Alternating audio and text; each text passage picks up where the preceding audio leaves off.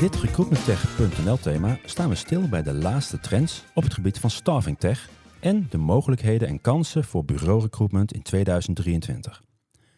In deze podcast ga ik in gesprek met Alexander Klaasens van Apollo Jobs. Yes. Dag Alexander.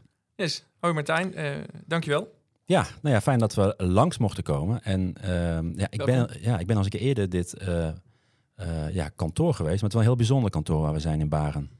Ja, je bent in, in Villa Pera in, in Baren, een, een mooie landelijke, adellijke villa zelfs. Waar dat, de eigenaar best wel een, een hobby ervan heeft gemaakt om het helemaal in de oude staat terug te brengen. Dus we hebben een prachtige akoestiek dank, dankzij de wand, wandbekleding hier in, in deze kamer. En het contrast is heel leuk met de innovatieve dingen die we doen. Met het ouderwetse pand waar dat je dan inderdaad vanochtend binnen kwam lopen. Ja, ja toch echt zo'n pand die, waar je ook aan, als je denkt aan Baren en aan, aan, aan Soest en Beeldhoven, dan denk je ook aan dit soort panden. Dus het is echt super, super mooi. Ja. Als je de lange rondleiding krijgt, dan hoor je dat hier aan de bomen in de achtertuin de prinsesjes ooit nog uh, geschommeld hebben. Kijk. Of dat waar is, dat vertellen we er niet bij. Nee, nou dat zijn de betere, betere verhalen. Um, ja, uh, Apollo Jobs. Um, wil je eerst wat vertellen over jezelf? Um, en dan uh, ja, gaan we verder praten, onder andere over Apollo Jobs en de, de, de staffing tech trends. Ja, nou je zei het al, Alexander Klaasens van Orange Peak Company. wij maken het product Apollo Jobs. Ik ben 35, ik heb vier kinderen, ik woon in Den Haag. Ik hou van een golftripje in het weekend met wat vrienden. en ben ja, in het dagelijks leven, naast dat ik vader ben, directeur bij Orange Peak. En wij zijn met 15 mensen in totaal. Twee vestigingen. Je bent nu op ons hoofdkantoor in Baren. En sinds januari, maar daar hebben we het straks nog wel wat langer over, zitten we ook in Amsterdam. Dus dat, dat is wat meer over mezelf. Ja, nou hartstikke goed inderdaad. Ja, en dan, um, ja, wat doet Apollo Jobs? Ja, dan begin ik eigenlijk nog iets eerder. Ja. Want Apollo Jobs is, uh, is eigenlijk een product van Orange Peak Company. En wij, zijn, uh, wij bestaan 13 jaar als Orange Peak Company. Um, en wij zijn eigenlijk gespecialiseerd in het ontsluiten van, uh, van datastromen. Zo zou je het eigenlijk samen kunnen vatten. Waarin dat wij de informatiebehoeften van onze klant centraal stellen. Als we dat doen, dan hebben we dus in eerste instantie die data nodig. En die halen we op met onze eigen exchange. Dat hebben we de Deltascope Exchange genoemd. Als ik DEX zeg, dan is dat afgekort voor Deltascope Exchange. En uh, vaak betekent dat dat we richting dashboarding en rapportages gaan. Waar dat we onze klant eigenlijk de insights bieden om hun dagdagelijkse beslissingen te maken. Vanuit um, onze geschiedenis hebben we die data in de uitzendwereld, in de flexmarkt, hebben we enorm goed leren kennen. En we halen uit allerlei systemen met DEX halen we al die informatie de, vanuit je ATS richting je verloningspakket. Eigenlijk al die systemen hebben we aan elkaar gekoppeld in een, in een universum. Um, die data, dat kan een uurbriefje zijn, een vacature zijn, een kandidaat zijn en uh, zo steeds verder. Als je al die data dan verzamelt, dan kun je daar die mooie rapportages op bouwen. En in gesprekken met onze klanten kwamen we er eigenlijk steeds vaker achter dat terugkijken hartstikke leuk is en nuttig is. Hoe doe je het afgelopen week of afgelopen periode in vergelijking met dezelfde periode vorig jaar? Eh, de bekende trendanalyses, je, KPI's komen daarin terug. Um, maar we zien dat we uh, die data ook heel goed kunnen gebruiken richting de toekomst. En daarvoor hebben we uh, de Apollo-tak binnen Orange Peak Company opgericht, met Apollo Jobs in het bijzonder. Um, we hebben daar ook een nieuw kantoor voor geopend in Amsterdam, wat ik net al aangaf. En met artificial intelligence willen we eigenlijk de recruitmentbranche helpen om meer uit hun bestaande database te halen van kandidaten. Omdat als je daar computers naar laat kijken, dat je er toch meer uithaalt dan als wij hier met z'n tweeën naar een lijst aan kandidaten zouden zitten kijken.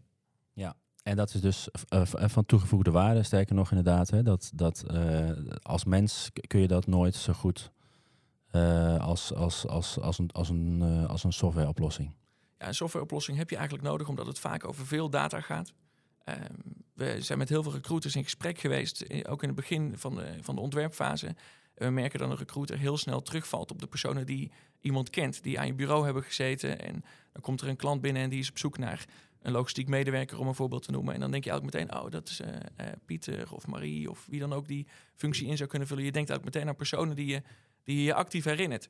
Um, waar dat een systeem heel je database zich herinnert. En dat je ook niet uh, mensen buitensluit zonder dat je dat bewust of onbewust doet. Ja. ja, wat is de... Um Um, je geeft net al aan, de, de, de AI Insight, hè, Artificial Intelligence uh, Insight, uh, van binnen inderdaad. Um, dat heeft dat te maken met het zelflerend vermogen van... Ja, je, je, we gebruiken de AI eigenlijk in het tekst begrijpen. Dus je, ehm, AI is eigenlijk als je naar Google kijkt en ik typ nu drie woorden in de zoekbak van Google, dan vult hij al, uh, geeft hij tien opties aan uh, wat het volgende woord zou kunnen zijn. En dat is eigenlijk al een hele simpele vorm van, van AI, van kunstmatige intelligentie. En wat we, um, wat, wat we gebruiken binnen Apollo Jobs, is dat we de tekst heel goed gaan begrijpen. En dat we steeds beter teksten ook met elkaar kunnen vergelijken of dat daar dezelfde betekenis in zit, dezelfde context uitkomt. En daarin uh, maakt Apollo Jobs het verschil. Dat we naar een vacature kijken die volledig doorgronden in wat daar staat. En dat vervolgens ook met een, uh, met een cv doen. En daar zit eigenlijk die, die intelligentie in. Dat we precies weten wat er bedoeld wordt. Ook al schrijft degene die solliciteert of degene die de vacature schrijft... precies niet letterlijk de woorden op die je vanuit de tegenpartij zou verwachten. Ja. Moet ik dan denken, bijvoorbeeld als iemand in, in zijn of HCV tuinman of tuinvrouw heeft staan, dat uh, die dat kunnen omvormen, weet dat het ook een hovenier kan zijn of medewerker groenvoorziening. Dat moet ik het zo. Ja, dan zit je eigenlijk al heel snel in synoniemen te denken. En dan merk je eigenlijk ook meteen de beperking van ons menselijke brein. Niet, dat, niet alleen dat van jou, maar hoe dat we als mens denken. En uh, als er uh, tuinman of tuinvrouw staat, dan, dan merk je eigenlijk dat we meteen in die synoniemen denken. En dat is ook wel wat we in bestaande pakketten zien. En ook wat we zien dat recruiters zelf al proberen in hun Boolean search, in hun ATS-systeem. En als daar inkoop staat, staat er ook vaak inkoper. En uh, zo gaan we steeds vaker die, die combinaties van woorden zoeken. Um, het zit vaak in de zinnen die er omheen zitten. Uh, die echt betekenen wat jij nu al leuk vindt en hoe dat je het geschreven hebt. En dan zou het heel goed kunnen zijn dat daar uh, bijvoorbeeld staat: Ik ben Martijn en ik heb uh, groene vingers en ik hou van buitenwerken. En uh, uiteindelijk solliciteer je voor de functie van tuinman. Ja, het gaat, gaat, veel dieper dan alleen maar die synoniemen. Ja, het gaat veel dieper dan die synoniemen. Het gaat echt om het begrijpen van die tekst. en de relatie van woorden in die zinnen met elkaar en ook tot andere zinnen die in diezelfde tekst staan. Je vertelt misschien later dat je ook van oude auto's houdt, bijvoorbeeld. Nou, misschien is dat dan wel een aanvulling op jou, jouw persoon, hoe dat Apollo Jobs jou ziet. Ja, en zeker in een, krappe arbeidsmarkt uh, moet je echt op zoek naar die talenten van mensen. En moet je dus eigenlijk eromheen om de... Ja, sowieso zijn niet iedereen is, zijn heel veel mensen ook niet heel goed in zichzelf verkopen in een cv bijvoorbeeld. Nee, dat merk je aan de ene kant. En mensen zijn ook heel erg, um, hebben een bepaalde tunnelvisie, zowel vanuit de recruitmentkant als vanuit de sollicitantenkant. Ja, ik ben op zoek naar een baan als hovenier, even om ons voorbeeld vast te houden. Um, mensen gaan dan niet zo snel zoeken naar iets anders. En wij zien eigenlijk dat op het moment dat je goed kijkt naar een persoon, de persoon achter zo'n, uh, achter een cv, achter een kandidaat eigenlijk, dat je als recruiter heel goed in staat bent om die, om die persoonlijke match wel te vinden. Dat nou, Martijn vindt misschien een baan als groenvoorziener ook leuk. Of uh, in een, uh, een groenplantsoenendienst veel meer dan echt een hovenier bij de mensen thuis een hele tuin aanleggen. Ehm, en wij bieden die recruiter een tool aan om veel breder te zoeken. En eigenlijk die oogkleppen af te trekken, zowel bij die recruiter als bij de kandidaat. Ja, je had het net ook al over, en dat las ik ook op jullie website, hè? Het, het, voorspellend karakter. Hoe, moet ik dat uh, zien? Dus meer in de toekomst? Ja, we, we, we voorspellen eigenlijk, om die, die metafoor wel vast te houden, we voorspellen eigenlijk de, de, de kans dat iemand goed op een vacature past. En omdat we uh, de tekst heel goed begrijpen, waar we het net al over hadden, kunnen we heel goed zien dat de, de kans dat mensen hetzelfde bedoelen heel groot is. Dus een vacature is op zoek naar een persoon, en een kandidaat is op zoek naar een, een, baan. Die omschrijving daarvan is vaak anders, want je bent op zoek naar iets anders. Um, maar als je ziet dat daar die overlap uh, heel goed is, en wij voorspellen eigenlijk of die, ja, die afdruk past. En ik leg het vaak uit aan de hand van een, uh, een, een, vingerafdruk. We maken eigenlijk een vingerafdruk van uh, je duim van je rechterhand, dat is de kandidaat. De duim van je linkerhand, dat is de, de vacature. En als die heel erg op elkaar lijken, dan hebben we het misschien wel over een goede match. Waarbij dat ik wel wil benadrukken dat wij vinden dat de recruiter uiteindelijk de match maakt. Die gaat kijken of de persoon past. Of dat het qua, uh, qua karakter en qua DNA van het bedrijf bij elkaar matcht. En daar vinden we dat de match gesloten wordt. Dus we zijn niet een, een matching tool, maar we zijn veel meer een vindtool in je eigen database tussen je kandidaten. Om de juiste kwaliteit, uh, kandidaten naar voren te halen. Ja, moet ik me voorstellen dat het bijvoorbeeld op een schaal van 0 tot 100 of zo uh, ja, score ja, ziet. En dat je dan een soort ranking krijgt of zo, waar je als recruiter nog verder kan we bieden eigenlijk je volledige database gerankt aan. Waarin dat je inderdaad van, uh, van 0 tot 100. Nou, onder de 60 heeft geen zin om te laten zien. Dus je kunnen zeggen het is van 60 tot 100. Die kandidaten tonen we in de applicatie. Waarbij dat een kandidaat die, die 100 scoort, die solliciteert voor zijn eigen leven, zou je bij wijze van spreken kunnen zeggen. En daar, uh, dus we, we hoge scores uh, wijzen op een goede kandidaat. Iemand moet ook nog met, net maar beschikbaar zijn natuurlijk. Dus misschien die persoon die 92% scoort, die laat je gaan omdat je weet dat hij al een baan heeft of dat hij ergens anders uh, net zit. Uh, en dan zak je af naar 91 of 90 procent. Maar je weet ook dat er een heel groot verschil is als je tot kandidaat op 71 procent scoren eigenlijk terechtkomt. Dan weet je dat je veel betere kandidaten in die database hebt zitten. Ja, je had net al over, je ziet het als recruiter, zie je het in jullie oplossing inderdaad. Is, het, is het dan uh, standalone? Is het, uh, kun je het ook koppelen met, met uh, systemen die je als uitzendbureau al gebruikt of allebei? Ja, beide eigenlijk. We zien dat we... Ehm, we zijn echt gefocust op ons eigen product in het begin natuurlijk geweest, want we willen daar heel graag die kwaliteit hoog. Um, maar we hebben nu ook een aantal klanten die afgelopen jaren ook met de standalone applicatie gestart zijn. Die nu werken, in, die werken met een ATS-systeem, in dit voorbeeld Bullhorn. Dus we hebben nu het volledig geïntegreerd in het Bullhorn systeem. Op het moment dat jij een kandidaat opent, zie je eigenlijk meteen de top vacatures op basis van de Apollo Jobs Engine die erachter zit. Uh, dus waardoor je die recruiter natuurlijk ook veel meer affiniteit krijgt met Apollo Jobs en ook het werk uit handen laat nemen door Apollo. Het is een soort van persoon geworden bij ons in het bedrijf. Dus uh, dat, uh, dat wordt een hele leuke collega als je steeds de tien beste kandidaten van die collega aangewezen krijgt. Ja, Um, er is natuurlijk, als het gaat om artificial intelligence, is, is er best wel wat, uh, uh, is er veel te doen.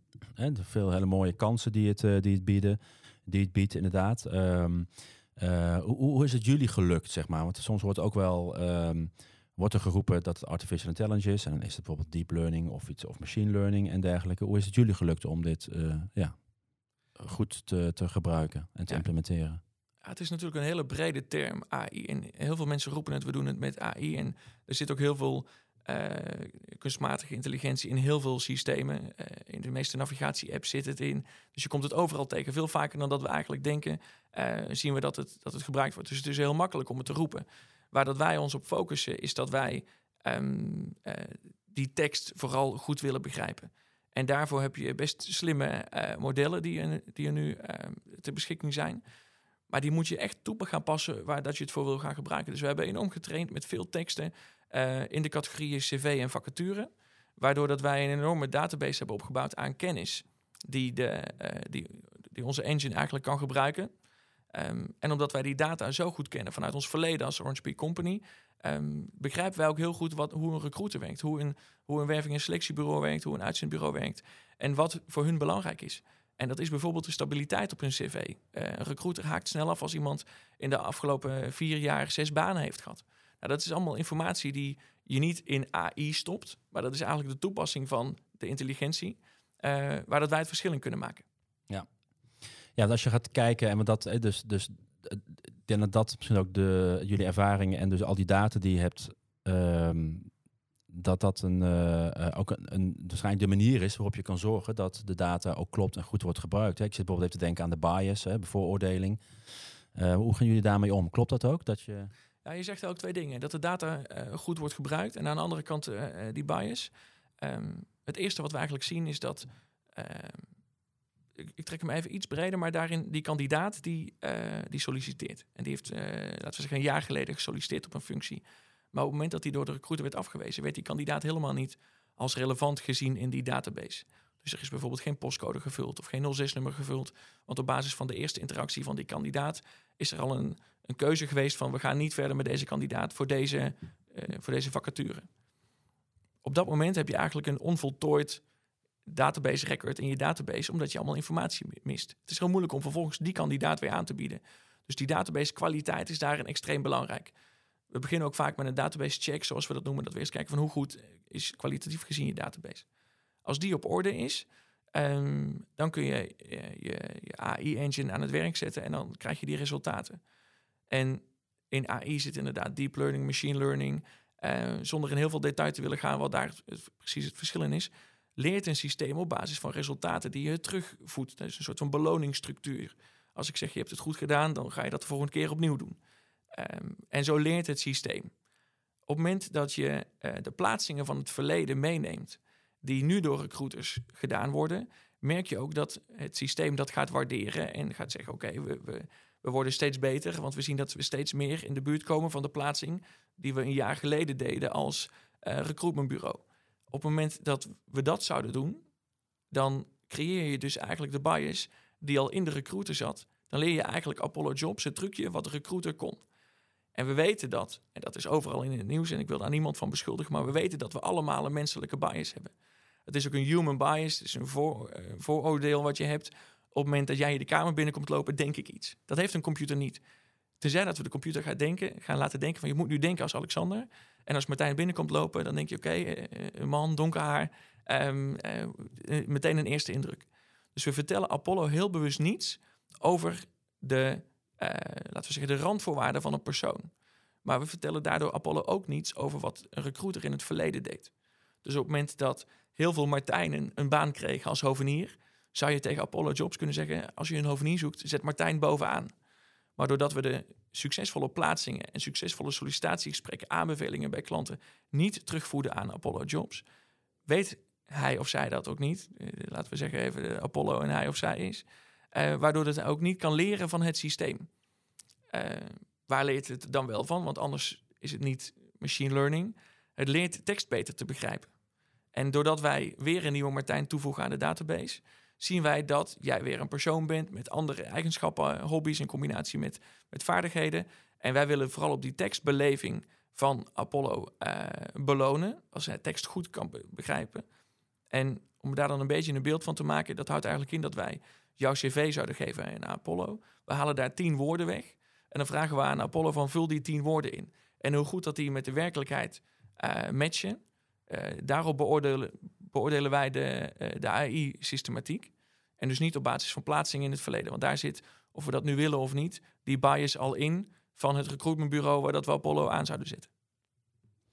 Ja, jullie richten je op uitzend, uitzendbureaus inderdaad. Um, is, dat is dat een bewuste keuze? Um, het is eigenlijk meer een gevolg van hoe we werken.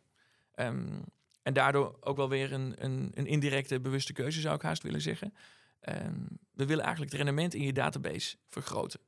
In die opgebouwde database, waar je steeds weer die marketingkosten voor gemaakt hebt om die database op te bouwen. En we merken dat binnen uitzendbureaus die database eigenlijk heel groot en divers is.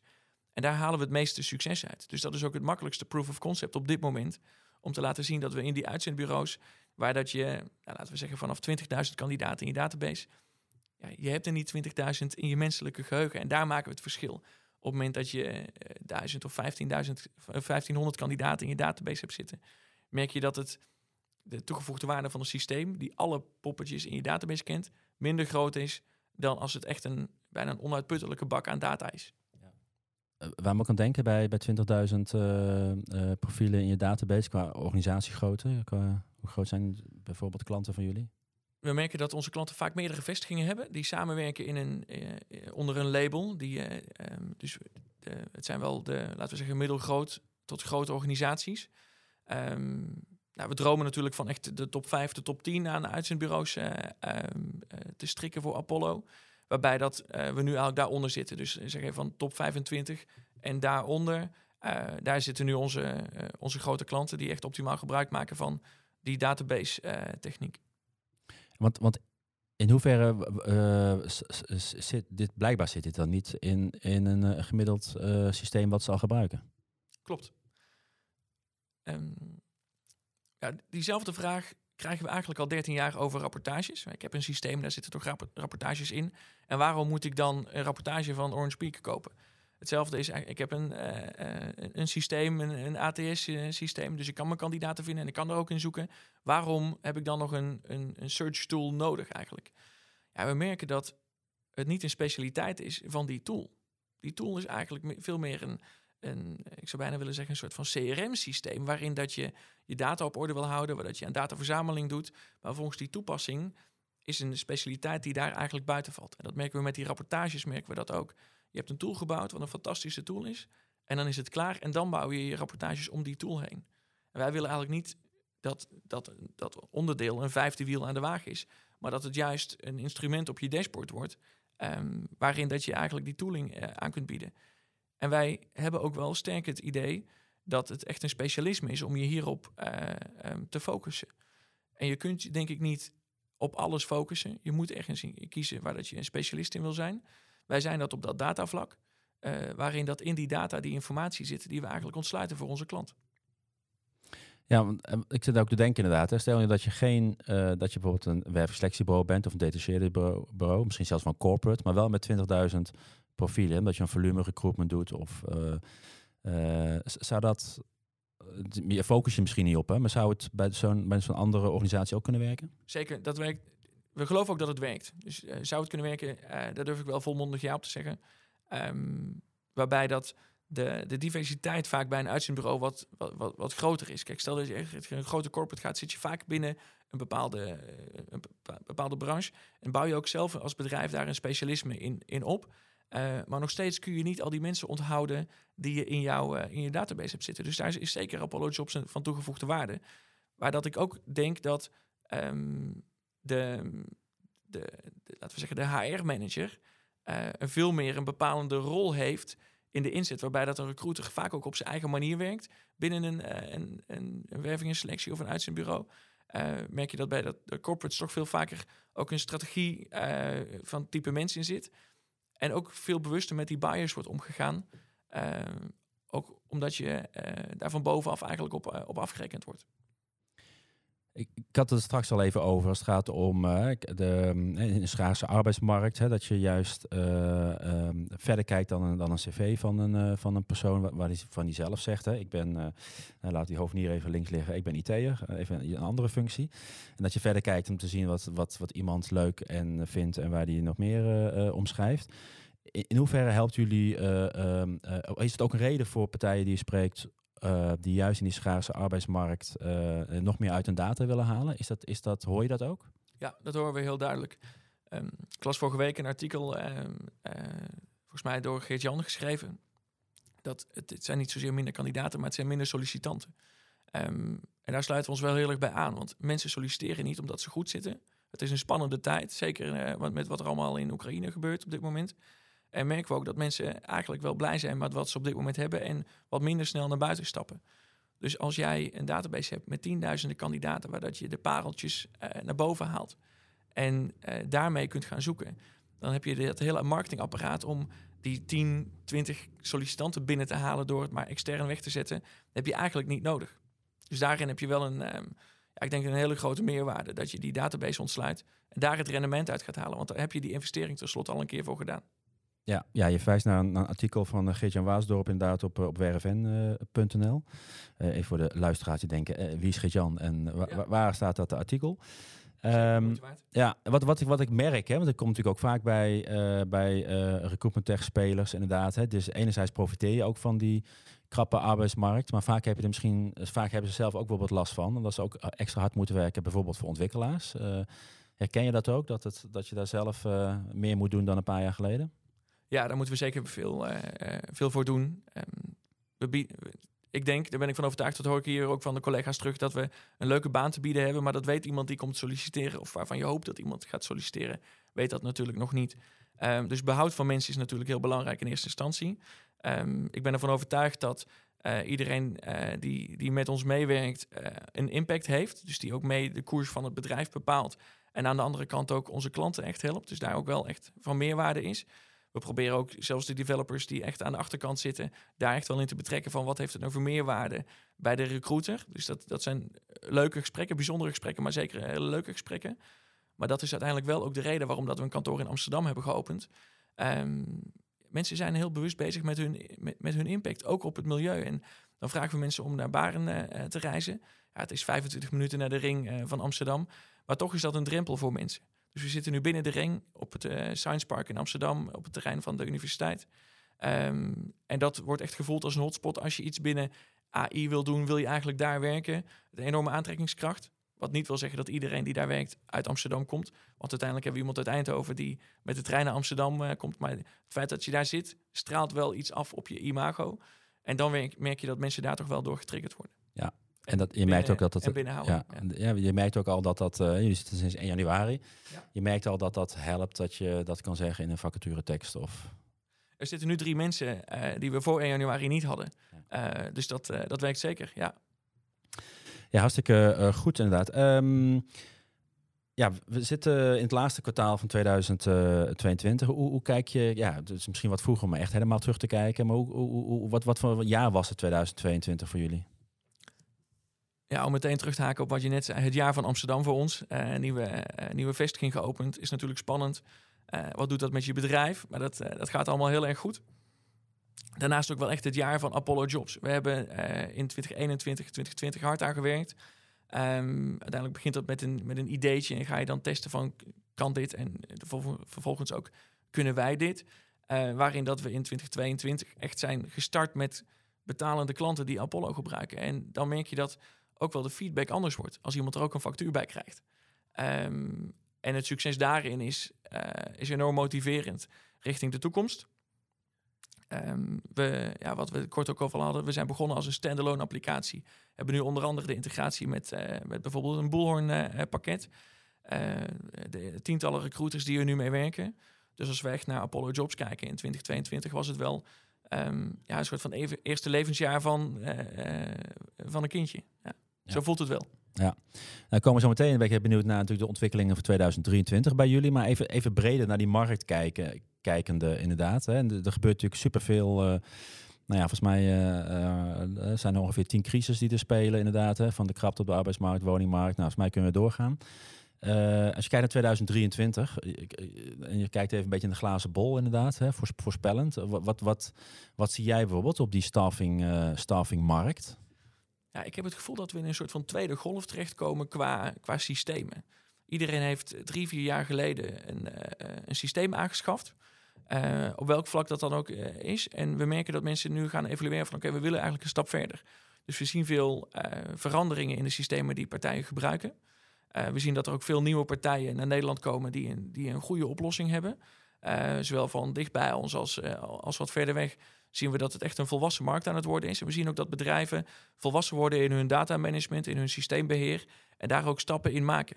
Dus wij verwachten, um, waar we ook op in proberen te spelen met uh, de Deltascope Exchange, veel van die migraties. Dat mensen naar een volwassener pakket verhuizen.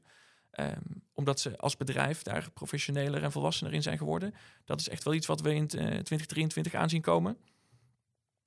Um, wat we daarnaast ook zien is dat er veel uh, veel samengewerkt wordt. Juist door die crisis, dat je weinig mensen kan vinden. Um, nou, wij zijn samen op zoek naar een IT'er om in dat tweede voorbeeld terug te pakken. Ja, stel dat je iemand weet, wat heb jij eraan om mij een goede IT'er aan te leveren? Dus we zien ook daarin een soort van community denken opkomen. Dat zien we natuurlijk in veel meer, veel meer markten zien we dat. En we verwachten ook wel dat dat bij de kandidaten komt, dat je eigenlijk dat talentpooling ook met verschillende bureaus uit gaat voeren straks.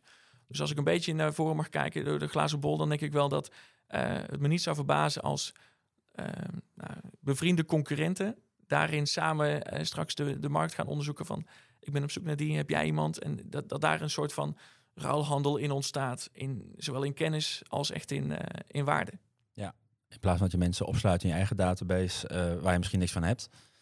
Uh, hopende dat jij op een gegeven moment, dat jij iemand, ik noem even weggeeft, hè? misschien niet weggeeft, maar wel hè? Dat, dat, jij dan een keer iemand terugkrijgt. Of, of wellicht met een soort fee, iets dergelijks. Ja. Ja, ja, ik denk dat als je tien jaar terugkijkt, dat iedereen dacht, ik heb data, moet ik heel voorzichtig mee zijn. dat betekende opsluiten in de kelder, goed wachtwoord erop en dan kon niemand er wat mee doen. Vijf jaar geleden gingen we allemaal wat echt met die data doen. Gingen we rapportages maken, gingen we daarmee werken, gingen we die data enabelen, om mooi Nederlands te zeggen. Um, we hebben daarin echt uh, de volgende stap nu te pakken. En dat iedereen ook echt zijn data wil uh, niet gaan vermarkten als in van ik wil mijn data verkopen, maar er rendement uit wil gaan halen. En op die golf uh, gaan wij graag mee. Ja. ja, met de Recruitment Tech Survey meten we eigenlijk ieder jaar ook van wat is nou de mate waarin bureaus, in dit geval, hè, maar ook corporates, hun proces hebben geautomatiseerd. Hè, daar zie je wel dat de verwachtingen uh, soms best wel hoog liggen en dat de, dat het, dat de werkelijkheid soms dat het wat, wat vertraagd is. Hè. De, in 2022 verwacht men 45% van de bureaus het hele proces te hebben geautomatiseerd. In 2021 dachten ze ook zoiets, maar was het 35,9%.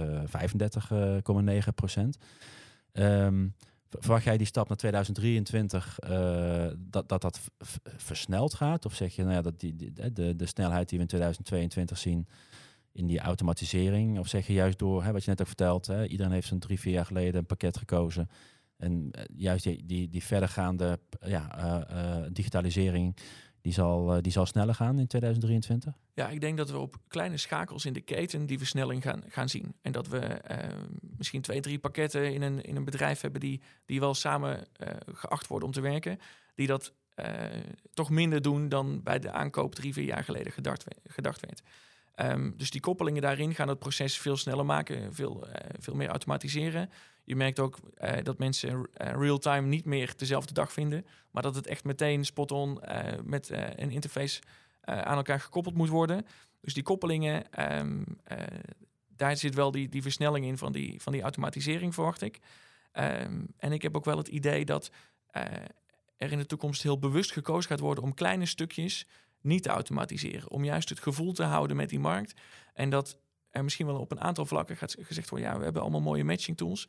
Maar dat matchen is een recruiter uiteindelijk veel beter in. Dat, dat is natuurlijk ook wat wij geloven. Um, dat dat laatste stukje van is het een goede fit tussen persoon en, en bedrijf, dat daarvoor wordt gekozen om niet te automatiseren. Maar in het vinden van die kandidaten, in het naar boven halen van die parels uit de database, dat je daar weer een stap verder in kunt maken. Um, ja, daar zie ik wel de, uh, die versnelling in, uh, in, komen. En als je dan gaat kijken naar 2023, jullie eigen, hè, de roadmap, zoals ze dat altijd mooi, uh, mooi noemen. Um, ja, wat staat er bij jullie op? Kun je daar al iets over delen? Ja, die roadmap die, ehm, die is wel al in potlood uh, geschetst, zou ik willen zeggen. We hebben nog een paar maanden te gaan, maar we hebben wel een idee waar dat voor ons de, de toekomst ligt. Um, we zijn nu met een aantal ATS aan het integreren. We willen eigenlijk wel de top 5 in 23 volledig aangesloten hebben en waar mogelijk volledig geïntegreerd. Um, dus daar, daar mikken we echt wel op in de nabije toekomst. als je tekst wil begrijpen, is Nederlands best wel een beperkte factor. Dus we zijn ook enorm aan het spelen met andere talen. Nou, voor de hand liggend zou je kunnen zeggen, dan nemen we Vlaanderen erbij. Maar we merken dat eigenlijk in tekstbegrip het taalverschil nog veel groter is dan als wij nu een Vlaamse tekst zouden lezen ten opzichte van een Nederlandse tekst. Nou, Duitsland longt dan uh, eigenlijk nog sneller dan dat België echt uh, longst. Eh, daarnaast is Engels een hele mooie grote taal om je product in te ontwikkelen. Maar wat we eigenlijk hopen in meertaligheid, dat we het taal onafhankelijk kunnen maken. Dus dat we zo goed een Duitse tekst kunnen begrijpen en zouden kunnen visualiseren en dat kunnen vergelijken met een Nederlandse tekst. Dat het niet meer uitmaakt in welke taal je je vacature schrijft of je je cv's ontvangt, maar dat je daar toch de, de overeenkomsten in kunt vinden. Um, we zien die communities waar dat ik het net over had, dat delen van oké, Apollo heeft bij jou een goede kandidaat. Ik zie dat, maar ik kan niet zien hoe dat hij of zij heet. Maar uh, mag ik een bod doen op jouw kandidaat om het uh, heel plastisch uit te drukken? Dat zien we uh, een mooie toepassing voor Apollo, omdat we binnen meerdere klanten de juiste kandidaat zien ook kunnen vergelijken. Van, wij zien dat iemand die gespecialiseerd is in logistieke medewerkers bijvoorbeeld in één keer een marketingkandidaat zoekt. Als wij ook een klant hebben die met een marketingbureau werkt, nou, dan zit daar misschien wel die goede kandidaat. Um, ja, en als we dan commercieel dromen, niet zozeer van wat zijn onze technische plannen, dan uh, verwachten wij ook wel dat wij de top 25 binnendringen, misschien zelfs wel de top 10. Als je nu kijkt naar de gesprekken die er lopen, om daar Apollo aan het werk te zitten. Dus dat is wel uh, waar dat wij over dromen. Ja. ja, waar ik gelijk aan moet denken is toch wel, want waarschijnlijk heb je natuurlijk al over nagedacht natuurlijk, hè, met, de, met, met de privacy en de AVG. En dat mensen misschien eerst even een akkoord moeten geven voordat je zomaar eh, de, de data gaat uitwisselen. Um, maar dat is misschien nog een, uh, of niet, of daar neem ik aan dat jullie daar ook al... Uh... Zeker. Ja, die privacy, um, ja, uh, ik zou bijna willen zeggen dat is een bestaansrecht van ons bedrijf. Het, het vertrouwen die, die we moet, eh, moeten hebben in onze data, die onze klanten ook hebben in dat wij daar, daar goed mee omgaan. Daar moet je natuurlijk goede afspraken voor maken. Het moet voor een persoon heel duidelijk zijn dat op het moment dat jij bij partij X solliciteert, dat het impact zou kunnen hebben dat jij door partij, partij Y benaderd wordt. Daar zijn zeker oplossingen voor, maar dat is iets wat we continu, ik, ik had bijna gezegd achterhoofd, maar volgens mij is dat zelfs een voorhoofdkwestie op dit moment, uh, mee bezig zijn. Ja, ja, je kan het ook van tevoren vragen inderdaad. Hè? Gelijk al het begin al. Van let op, als je bij X, hè, die werkt samen met een aantal partners, dan hoef je het niet eens meer daarna te vragen. Ja. Precies, dus voor nieuwe uh, kandidaten die je naar binnen haalt, zou dat zeker een optie kunnen zijn om dat uh, uh, nu al te doen. Ja, ja. nou, slim inderdaad. En even nog, hè, de roadmap is natuurlijk heel erg technisch qua ontwikkelingen inderdaad. Hè? Stel dat we elkaar over een jaar weer spreken. Um, kantoor in Duitsland, investeerders, zijn er nog overnames? Wat, wat, wat, wat, als we breder kijken dan alleen maar technologie waar jullie mee bezig zijn? Wat. Ja, als we breder kijken, dan, uh, dan hoop ik dat we. Um, het is misschien wat idealistisch geformuleerd, maar dan hoop ik dat we echt honderden recruiters weer leuk werk geven. Omdat, um, als we heel eerlijk zijn, het is niet een. Iedereen zal roepen: ik heb een leuke baan, maar het is echt wel vechten voor personeel op dit moment, voor, namens je klant vaak op zoek naar de juiste mensen. En ik hoop dat we daar echt een, een verschil in kunnen maken. Dat we, eh, laten we zeggen, honderden recruiters weer eh, de, de, ja, de, de leukheid van hun baan terug hebben kunnen geven. Doordat ze met goede mensen in gesprek komen die, die geschikt zijn voor een baan. En die ook weer succesvol kunnen plaatsen. Ehm, eh, dat samenwerken tussen bedrijven zou ik leuk vinden om daar echt aandacht aan te geven als we elkaar over jaren uh, spreken. Ik hoop natuurlijk dat we met meer mensen in Amsterdam dan zitten. Laten we daar eerst mee beginnen voordat we uh, naar Duitsland gaan. Ik denk ook wel dat we Duitsland goed zouden kunnen bedienen vanuit ons kantoor in Amsterdam. Ja, en qua overname zeg nooit nooit. Niet iets wat nu concreet op, de, op het pad staat. Maar er is natuurlijk een markt waar heel veel in gebeurt, waar veel slimme mensen in opereren, wat, wat, wat hard ontwikkelt. Um, maar ik, uh, ik denk dat we nog even de focus op, uh, op de eigen groei hebben. Ja, nou ik vind wat je net zei over dat plezier van recruiters erg belangrijk. Ook, ook in, de, in de strijd om de schaarse recruiter. Ook daar heb ik wel eens met mensen over gesproken. Als jij de juiste tools hebt en recruiters weten van oh gaaf, mooie tools. En ik kan me ook focussen op toegevoegde waarde als, als mens inderdaad. Hè, dan alleen maar... Um, hoe heet het? Als een soort veredeld verlengstuk van een recruitment software mm -hmm. bezig te zijn dan kan het ook als in dit geval als uitzendbureau helpen om goede mensen aan te trekken en ook te behouden natuurlijk, omdat het werk leuker is. Ja, en het zou natuurlijk leuk zijn als iedereen ons volgend jaar kent. Iedereen die naar deze podcast luistert, dat hij denkt, wat, wat grappig, vorig jaar was het nog nieuw, Apollo Jobs. En dat we dan de, ja, laten we zeggen, de benchmark in de markt zijn. Ja, nou, daar gaan we over een jaar gaan we dat is de, de statistieken erbij pakken. bedankt voor dit gesprek, Alexander. Ja, dankjewel. Um, ja, want Alexander uh, en ik, en misschien uh, uh, jij ook, zien elkaar op 8 december tijdens de livestream, de Staffing Tech Show. daar kun je digitaal bij zijn en meld je dan aan op recruitmenttech.nl slash staffingtech. Ja, en dan praten we verder waar eigenlijk deze podcast ophoudt. Um, en kijken we nog meer naar de trends van 2023 op het gebied van staffing en technologie.